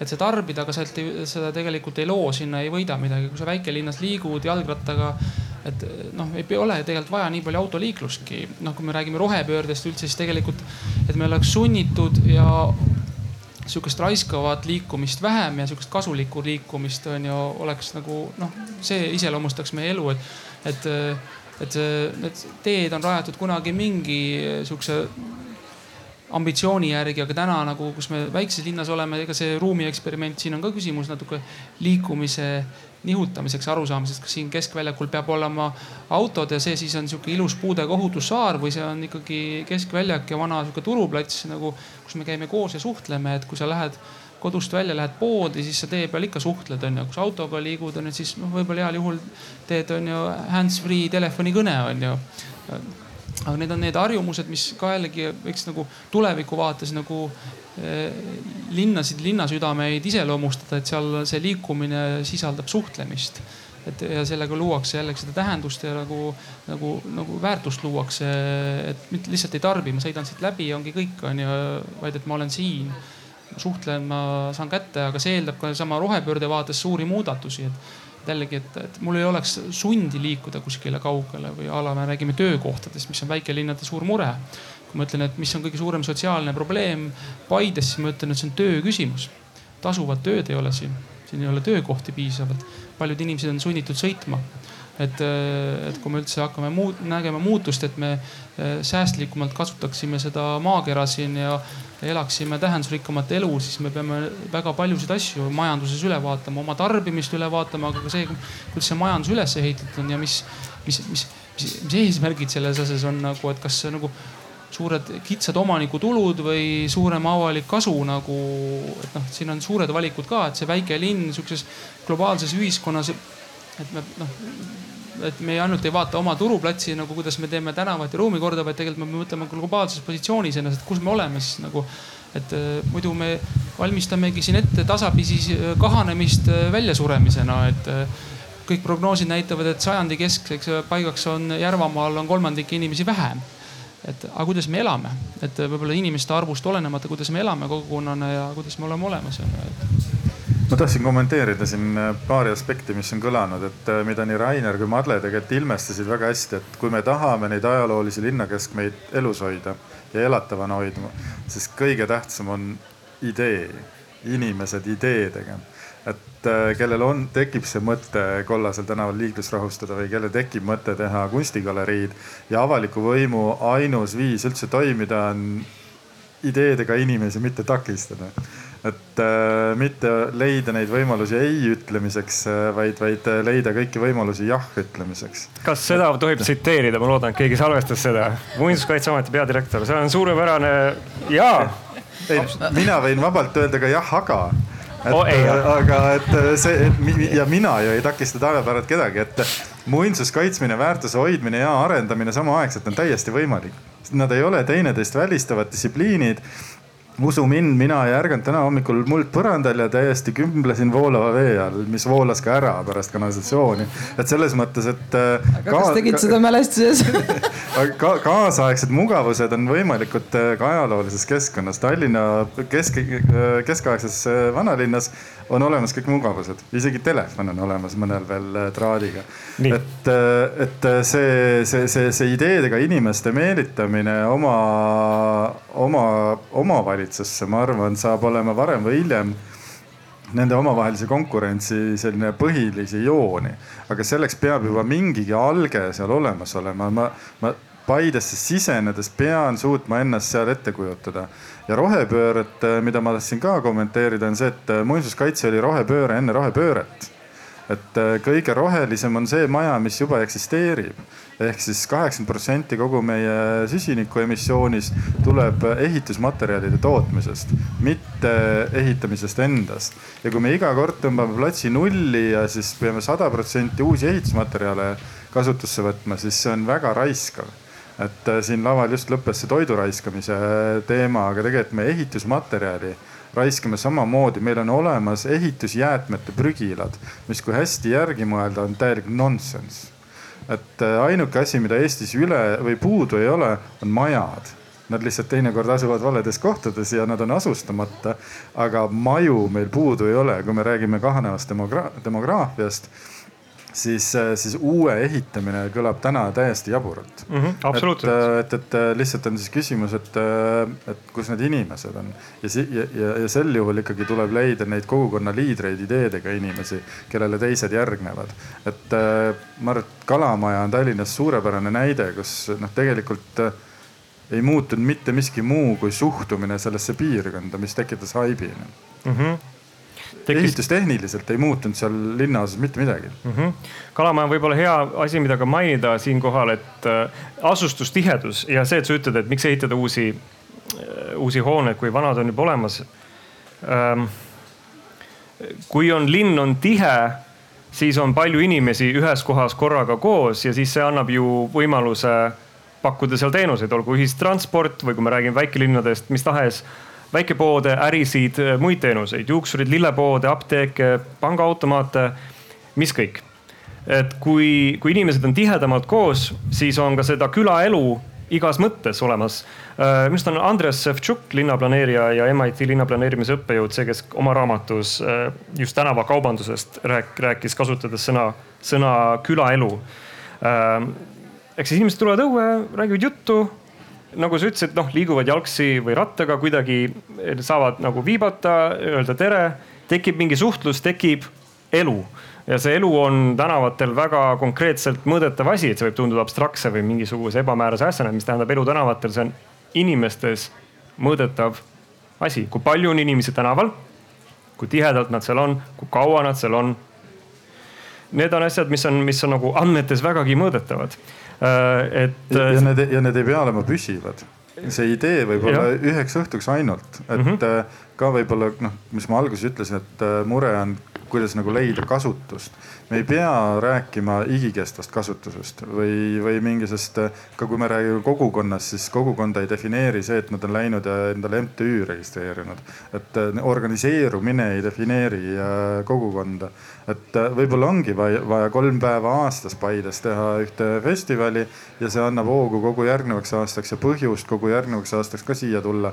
et selliste ajutiste kasutuste planeerimine võiks olla eraldi ülesanne, et äh, või noh, minu poolest ideekonkursid, kuidas mingit asja või maja või, äh, või ka kvartalit ajutiselt kasutada, kui mingit muud paremat mõtet ei ole, siis ajutine kasutus on ka väga hea. aga kuidas saaks ja... teha niimoodi, vabandust ja ma lihtsalt tahtsin täiendada mitte ainult majade, vaid ka tänavate puhul, et, et see ajutine kasutus või ajutised lahendused on täiesti alakasutatud äh, formaat selleks, et katsetada läbi mingisuguseid küsimusi, katsetada läbi lahendusi äh, ja lihtsalt korraks proovida muuta seda dünaamikat, mis tänaval on, et äh, Tallinna puhul lihtsalt näiteks on ka hästi selgelt näha, et kuidas kuidas puudub see kogemus või kuidas puudub see oskus, et, äh, et tegelikult see on ka mingisugune asi, mida teadlikult peaks hakkama harjutama ja läbi mõtlema selleks, et, äh, et me saa-, et see, et selle kasutuselevõtt äh, oleks edukas. Just, et ma tahtsin sama asja öelda, Madle, et, et see ja no küsida, et kui me räägime nüüd ikkagi, me oleme kuskil tunnikese rääkinud, poolteist tundi on maksimum see aeg, et me hakkame vaikselt nagu minema juba lõpupoole ka vanalinn, me räägime ikkagi vanalinnast ja kuidas ela, elama siin inimesi saada, et, et kui see elu on inimesed ja meil on vaja sinna inimesi kuidagi tuua. kuidas saada äh, muinsuskaitsega äh, läbi, kui tahta sinna tuua näiteks äh, tõukerattaid või mis tahes uusi funktsioone, ehitada mänguväljakuid või teha ajutisi mingisuguseid ruumikatsetusi, et kuidas, äh, kuidas on muinsuskaitsel sellega kogemusi või soovitusi või, või suhtumist, kuidas teha seda kõike kaasaegset, moodsat, ägedat, aga vanalinnas, kasvõi ajutiselt? aga me ju asume praegu vanalinna alal, Paide vanalinnas asume praegu, et see, see kõik on võimalik ju et äh, ajutine kasutus ju ei äh,, ei eelda seda, et minnakse olemasolevate väärtuste kallale. et ma arvan, et meil isegi puudub pädevus siin kaasa rääkida, et äh, kus on muinsuskaitsel või vähemalt äh, sihukesel noh, administratiivses mõttes äh, pädevus kaasa rääkida, on ikkagi püsivates lahendustes, kui minnakse siin kõrval maja äh, restaureerima, siis, siis seal on meil kaasarääkimise vajadus ja võimalus. et ma arvan küll, et see muinsuskaitsega selle koha peal hirmutada pole isegi mõtet, et sest, sest meil puudub pädevus kaasa rääkida et, et, et ja, ja isegi alalisemate lahenduste käigus ma arvan, et see, me kõik täna mõistame seda, et kasutuses hoidmine on, on kõige pikaajalisem strateegia, et inimesed täna tegelevad ainult nende asjadega, mis on neile kasulikud. ehk siis, kui asi on kasutuses, sest kasutusasjad me ju viskame ära, eks. et, et, et ükskõik, kas siis ajutine või alaline kasutus, et, et ma arvan, et meie läbirääkimise ruum täna on väga suur ja, ja näiteks ka neid samu muinsuskaitseala kaitsekordasid tehes me esimest korda anname hoonetele kaitsekategooriad. Et eh, noh, näiteks me oleme Tartus ja Pärnus selle harjutuse läbi teinud, et kui seni kehtis eh, sajale protsendile kõikidest hoonetest sajaprotsendiline loakohustus, siis Tartus leeveneb näiteks loakohustus seitsmekümnele protsendile hoonetest ehk siis me oleme endale selgeks teinud, mis see siis tõesti riiklikul tasandil kaitstav väärtus on ja miks teda üldse mingise loakohustusega katma peab, kus üldse meil on vajadus ja pädevus kaasa rääkida. ja ülejäänud puhkudel ikkagi see jääbki rohkem ehitusseadustikust ja kohalikust omavalitsusest lähtuva siis regulatsiooni kanda. et äh, ma arvan, et äh, noh, Tartus ja Pärnus küll, Mart, ei ole ja ka vanalinnades äh, seda häda, mis on Paides või, või Lihulas või äh, või Rakveres, et, et, et need vanalinnad on pisut erineva iseloomuga ja siin on, ma arvan, et selline võtmesõna on ikkagi kinnisvaraturg, et äh, nendes linnades, kus juba ruutmeetri hind äh, kipub neljakohaliseks, ei ole seda turu küsimust enam. iga investeeritud euro toob kaasa turuväärtuse kasvu ka vähemalt euro võrra.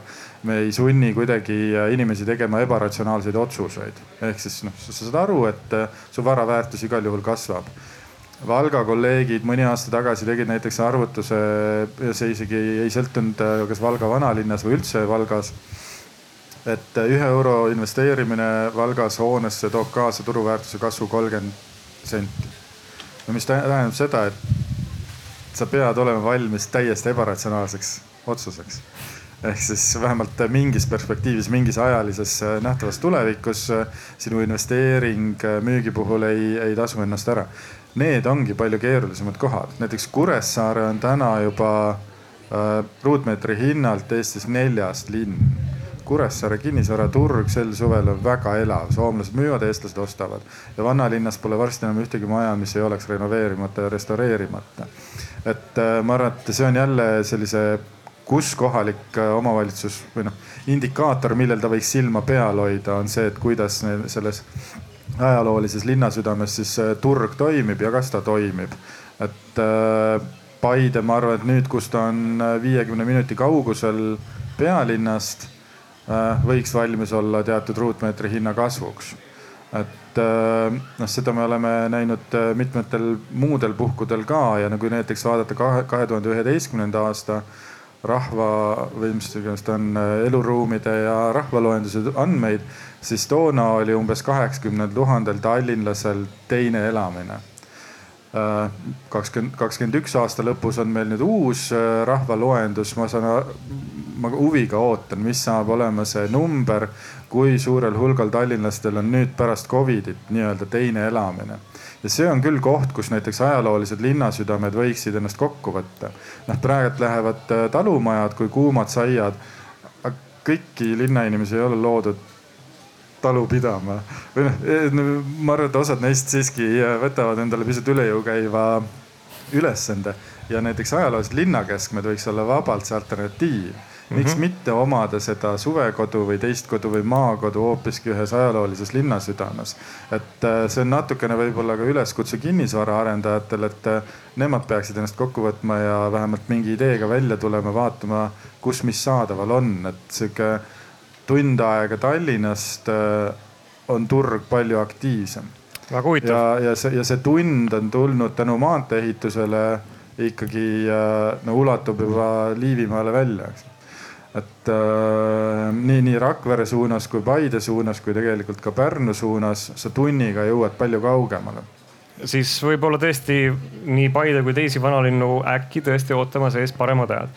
ma korra lihtsalt repliigina ütlen vahele, et, et see kinnisvara väärtus on oluline, aga noh, näiteks mina maja, oman vana maja küll mitte Paides, vaid Türil, mis on tegelikult ju samas olukorras paljuski nagu Paide ja seda maja renoveerinud juba aastaid. ma pean ütlema, ma pole sekunditki mõelnud selle peale, kui palju see mulle rahas tagasi toob, sest et ma. sest see on osa sinust, sellest on saanud osa sinust. nii, Eimar.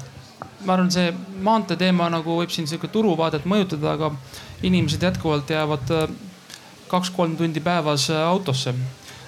kogukonna ja arengu vaates see on nagu on, on kaduma läinud aeg, mida need inimesed saaksid siin veeta oma, oma oma kogukonnas toimetada ja nii edasi, et, et see noh kindlasti annab juurde see, kui keegi ostab endale teise kodu Paidesse, neid inimesi on täna siin, oleme ka meie soomlaste lainet näinud siin Paides kümnend tagasi või natuke rohkem isegi.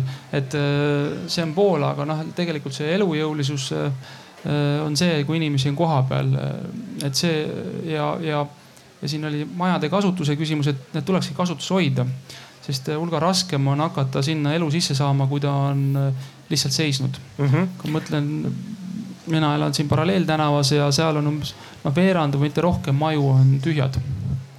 ja need on enamik ju ajaloolised majad, mõned on siin natukene võib-olla nelikümmend, viiskümmend aastat tagasi ehitatud sinna keskkonda asetatud, aga puumajad ja nii edasi, et, et siis seal on see kasutus ja teinekord on ka sihukene ajutine kasutus või ühele ajutisele kasutusele järgneb teine ajutine kasutus ka see, mis hoiab teda alal, sest, sest tegelikult siia tulla on, on see, et mis sind siin ees ootab, et kui sa hakkad tagasi tulema, kas sa oled, hakkad tagasi tulema, kuna sa oled siin lapsepõlves üles kasvanud ja siit kooli läinud ja töötanud mõnes teises kohas või sa kavatsed siia tulla, siis, siis kas sa saad kohe sisse kolida mm.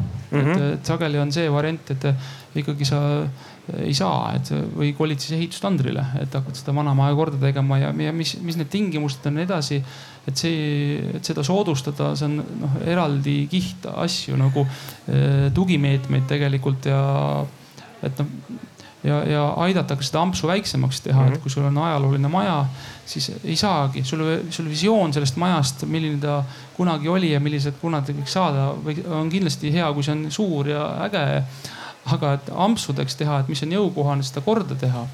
et äh, arvestades kõiki neid mõistlikke nõudmisi, mis sellega kaasas käib, et see on muinsus siiski, et siis see on see pool kindlasti, kus nagu see noh, toe pool peaks arenema, mis julgustab inimesi ka neid valikuid tegema, et minul oli need juured siin, mis kutsusid mind tagasi ja äh, perega neid äh, väljakutsed vastu võtma, et aga teiste jaoks on hulga pragmaatilisemad valikud seal taustal, et, et see, et see sünniks, et Mm -hmm. no see, see, seda me proovimegi praegu nende uute kaitsekordadega teha, et äh, inimene juba ühte regulatiivset dokumenti lugedes saab kujundada mingi ootuse, et mis tal siis, mis tal siis lubatud on, mida ta ise teha võib, kus ta peab pädevustunnistusega kodaniku või tööde teostaja endale hankima et just nimelt, et äh, seda, seda väljakutset teha nagu hoomatavamaks inimeste jaoks, et olekski see julgus öelda, et jah, on küll mõnda aega tühjana seisnud maja siin Paides, aga et äh, sellele laienevad need, need, need nõuded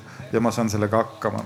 et äh, seal noh, ma arvan, et sellisel julgustamisel on väga oluline osakaal ja see, mis sa kirjeldasid, on ka, et kus jälle selline kohalik identiteet väga hakkab mängima, on see, et kas see koht on mulle armas või mitte et äh, ta võib olla turuhinnalt väga soodne, isegi võib-olla mulle nii-öelda intellektuaalselt ja finantsiliselt jõukohane ülesanne. aga see koht pole mulle armas, et noh, ta on nagu lihtsalt isegi peletav, siis, siis ma ei hakka seda nagu nii ette võtma. aga niimoodi me tulemegi, ma arvan, selle äh, vestluse vara, varasema osa juurde, kus me rääkisime kogukonnast, inimestest ja, ja ruumist majade vahel, et mis on see, mida ma leian, kui ma astun sellest armsast või mittearmsast majast väljapoole, et, et maja võib olla armas, aga, aga mis mind ootab seal ees tänaval, kas seal on teisi inimesi, mingisugust elu äh, hooajati, hooajati või mitte. et ma arvan, et äh, kohalikul omavalitsusel on tõesti suur keskne ülesanne siis äh, kas ise seda korraldada või lasta inimestel korraldada. et need, kes tahavad siia tagasi tulla või mis tahes põhjusel seda mõtlevad, Paidesse tulla elama kui teha seda keset kooliaastat näiteks ja on lapsed siis kas ta saab koha lasteaias niimoodi keset novembrit või koolis, et see kindlasti eeldab mingisugust raamidest väljaspool mõtlemist, et õpetaja või direktor või keegi ütleb, no et tegelikult ei saa, aga no okei okay.. sest kui tema ütleb, et ei saa, no aga siis ju perekond siia ei koli. nii lihtne. Need ei ole siin probleemid. see on väga tore, aga paljudes väikelinnades, riikides siiamaani siuksed äärmiselt väiksed asjad teevad seda, et perekond ütleb ei. pakutakse näiteks mingit tööd või pakutakse maja, müüa, tule ja renoveeri. Ja inimesed ei tule sellepärast, et siuksed asjad. mina olen enda tööga puutun just nimelt sellega kokku, kus me oleme siis tegelenud sellega Põhjamaades ja Euroopas, et mida saavad linnad teha, et inimesi aidata tagasi tuua. väga tore, kas te koolikohti pakute jah, pakume küll, kui esimene september hakkab. no aga vaat inimeste elu ei käi niimoodi alati ilmtingimata ju selles äh, rütmis. aga selle ruumi juurde tuue, tulles korraks, et äh, kas sa võid rääkida sellest ruumikatsetusest, äh, mis siin oli selle keskväljakuga, sellepärast et nagu sa ise mainisid, eriti väikelinnas inimesed, inimestel on haruldane võimalus üksteisega rohkem kokku puutuda jalutades või rattaga sõites. sest linnas sees on distantsid väiksed, inimesed muidugi lähevad siit autoga kaugemale tööle Tallinnast ja nii edasi, aga me oleme vanalinnas. Kuressaaret mainiti, seal tehti keskväljak korda inimestele kättesaadavaks. Siin on tege-, siin ollakse veel sihukeses katsetusjärgus. kuidas selle katsetusega läinud on? mul on hea rääkida, ma ei ole nagu selle katsetuse ise nagu justkui peakorraldaja, vaid ma olen üks talguline olnud nendes mm -hmm. asjades siin, et ja, ja ka varasemalt, kui ma ei olnud veel tagasi, ma lihtsalt käisin siin ja vaatamas.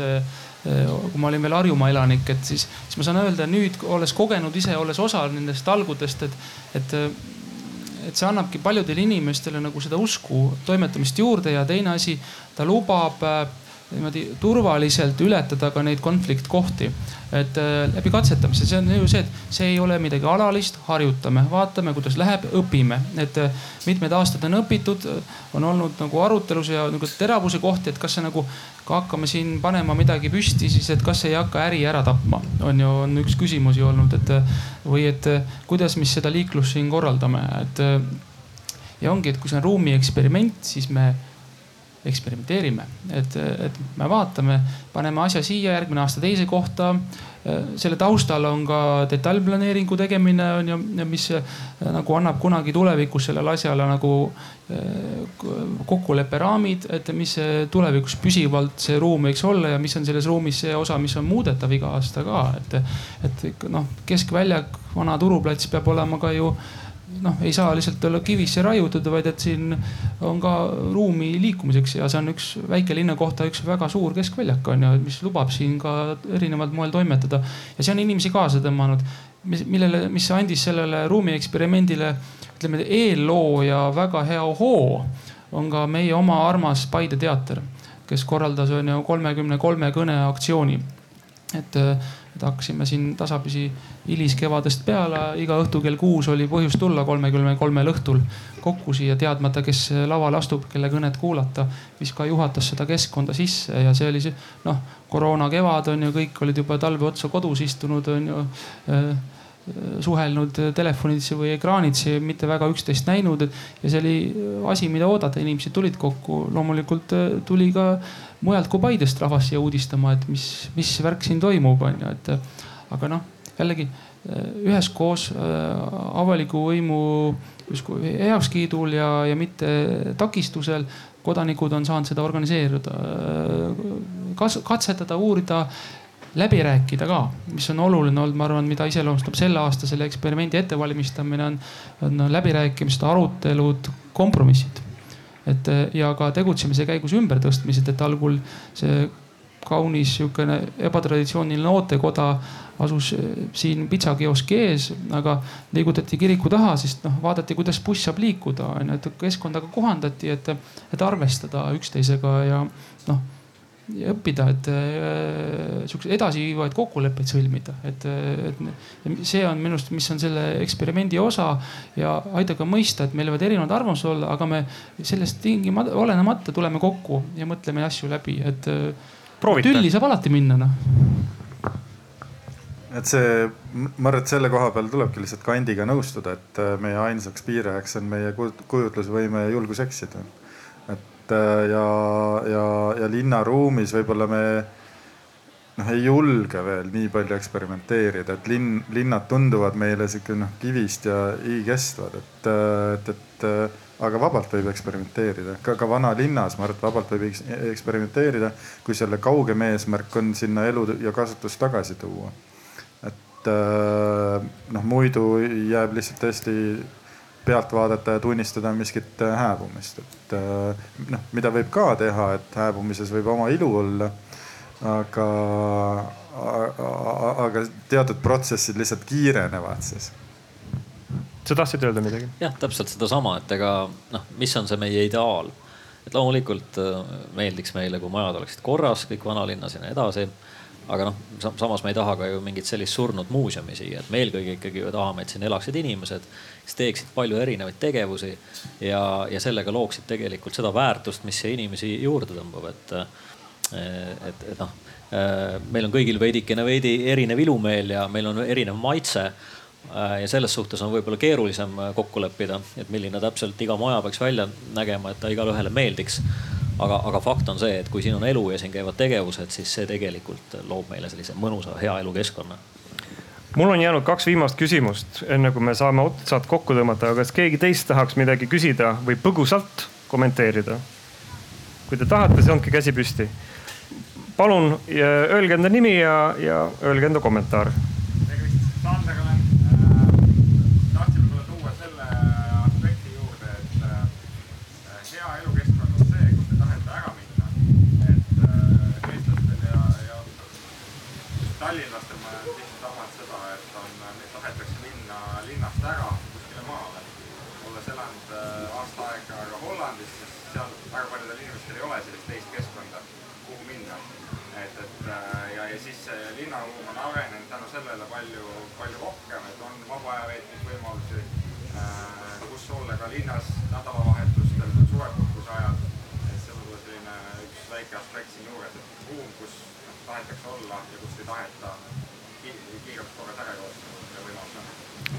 linn ei pea olema midagi räpast ja õudset, millest eemale minna, et linn, linn võib olla tõesti koht, kus nii-öelda maal käia.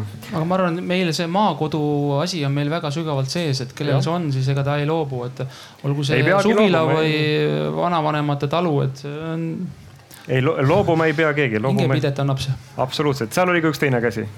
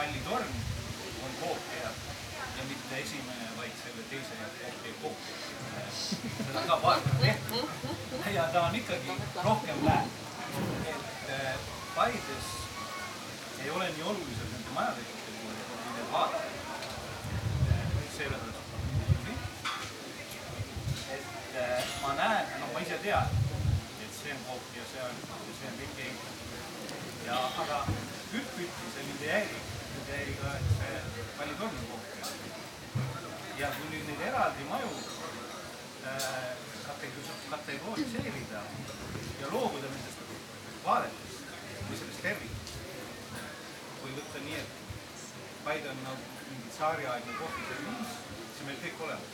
on kohvipann olemas, koorepann, tassi, kusikad, laud, meil isegi toolid olemas, mida teistel ei ole. aga häda on selles, et me ise ei hinda seda, et see maine, mis seda niimoodi näeb, inimesi on väga vähe või ei olegi. ja see väga madal maine äh, kisub selle kinnisvara hinna alla. ja ta ei tule sellele kasuks ja inimesed ei ihalda seda. ja ma võiks kujutada noh, ka muinsuskaitseametis on siin kohal, siis võiks seda rääkida, et ka muinsuskaitseametil ei ole ka väga kõrge maine. selles suhtes, et no muidugi, et on ka ilmaasjata pihta saanud, inimesed võtavad endale manu maju, ei saa sellega hakkama, siis on hea muinsuskaitseameti kaela vedada. Nad ei luba mul teha, nad ei lubanud teha ja nüüd mul kõik äh, laguneb, kuigi nad endiselt oma võimid ise üle. ja et siia inimesed Paidesse tuleksid või siit ära ei läheks, siis ongi see mainitud. nii linnavalitsus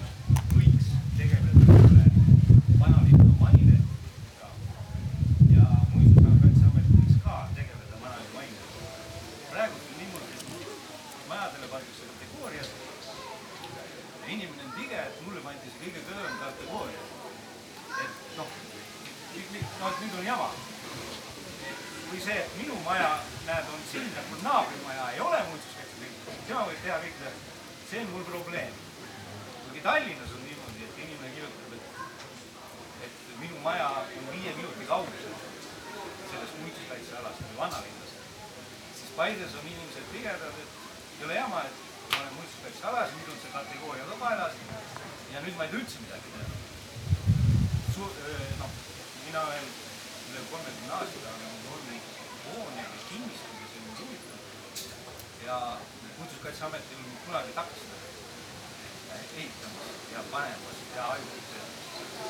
ei ole ka kunagi aidanud, aga ongi selline suure valu tavaliselt maine küsimus, nii ka linnavalitsus. Te tahate uusi inimesi. ma aeg ajalt, ma olen arvanud, et mul on vaja äh, ennast Paidesse sisse kirjutada. aga see mul ei õnnestunud aeg-ajalt.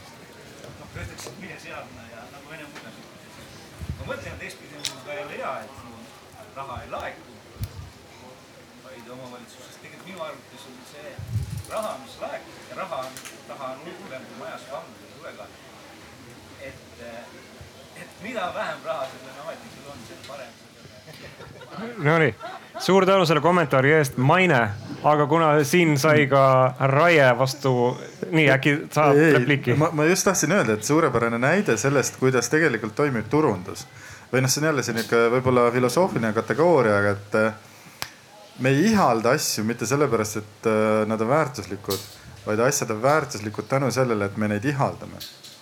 et äh, kui hetkel või teisel suurem hulk inimesi hakkab ihaldama kinnisvara Paide vanalinnas, siis ta ühtäkki muutub väärtuslikuks.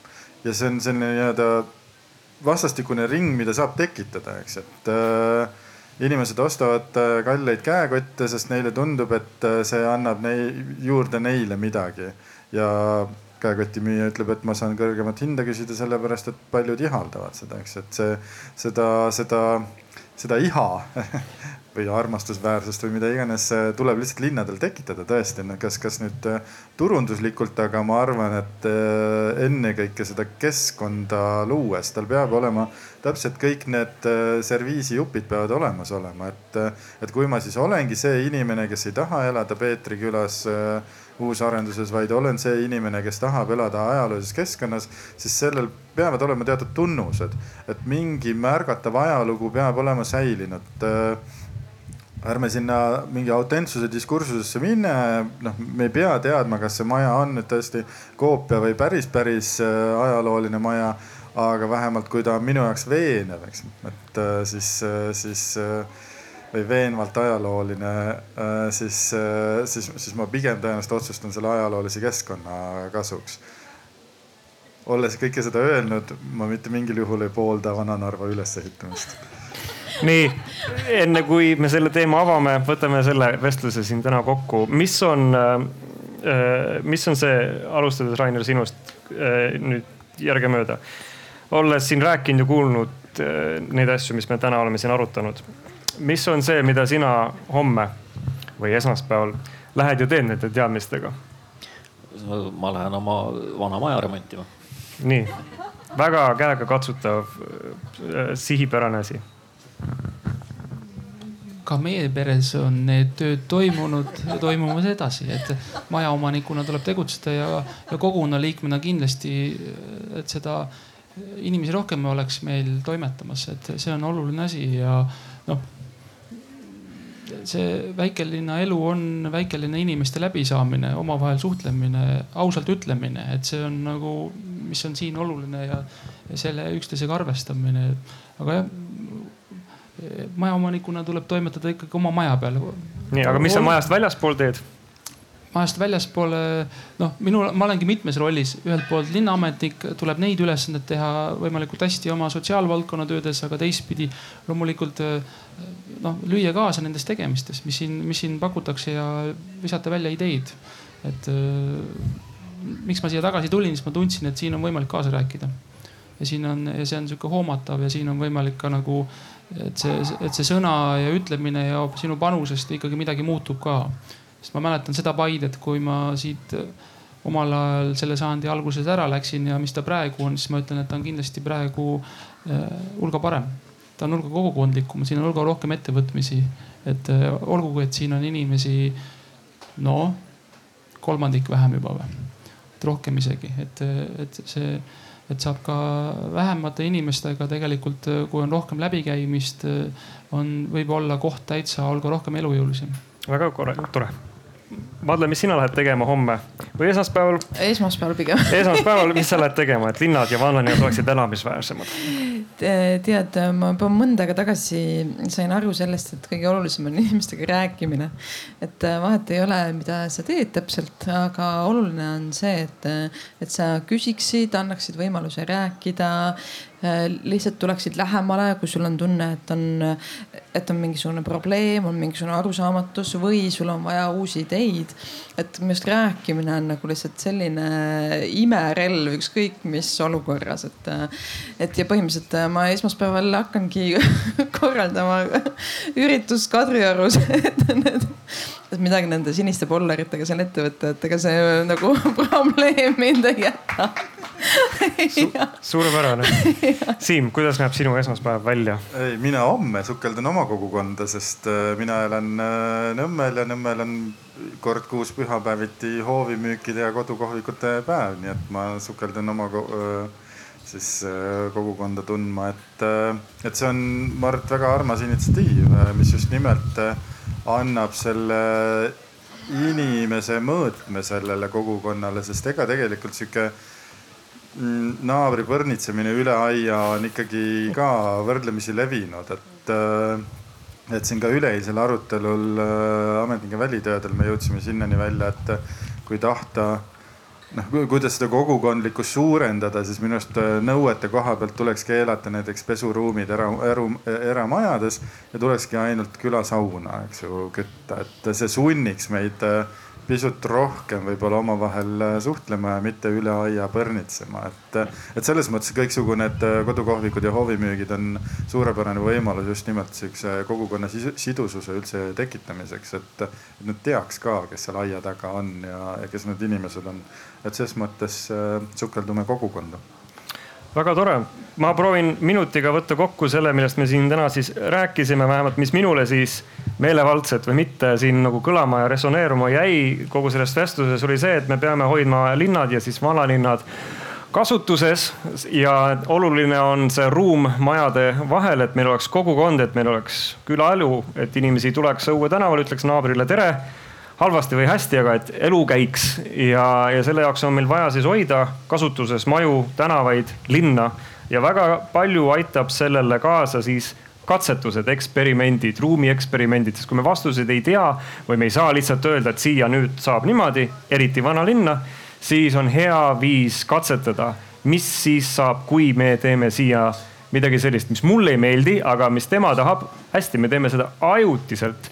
vaatame, kuidas see idee välja näeb et äh, ajutisus, katsetused, need on, need on igal pool linnades, suurtes, väikestes vanalinnades ja muidu on, on aina kasvav normaalne viis linnu, linnu planeerida. kasvõi enne, enne detailplaneeringute kehtestamist, nii et katsetatakse, et kas asi toimis nii või see asi toimis naa ja mida kohalikud inimesed tahavad ja, ja kindlasti on kohalike omavalitsuste kätes väga palju, eriti kui meil on vaja kahanevaid linnasid kuidagi elusana hoida et äh, hoida siin inimesi ja meelitada siia inimesi, kellel on ideid äh, nagu, nagu täna öeldi ka, et, et see on, see on, see on oluline et üks asi on see, et see on armas väike linn, aga siis tuleb seda ka selliselt luua, et siin oleks armsalt võimalik inimestel turvaliselt liigelda, jalutada ja olla, aga ka siis linn saab ise seda mänguvälja neile nii-öelda pakkuda.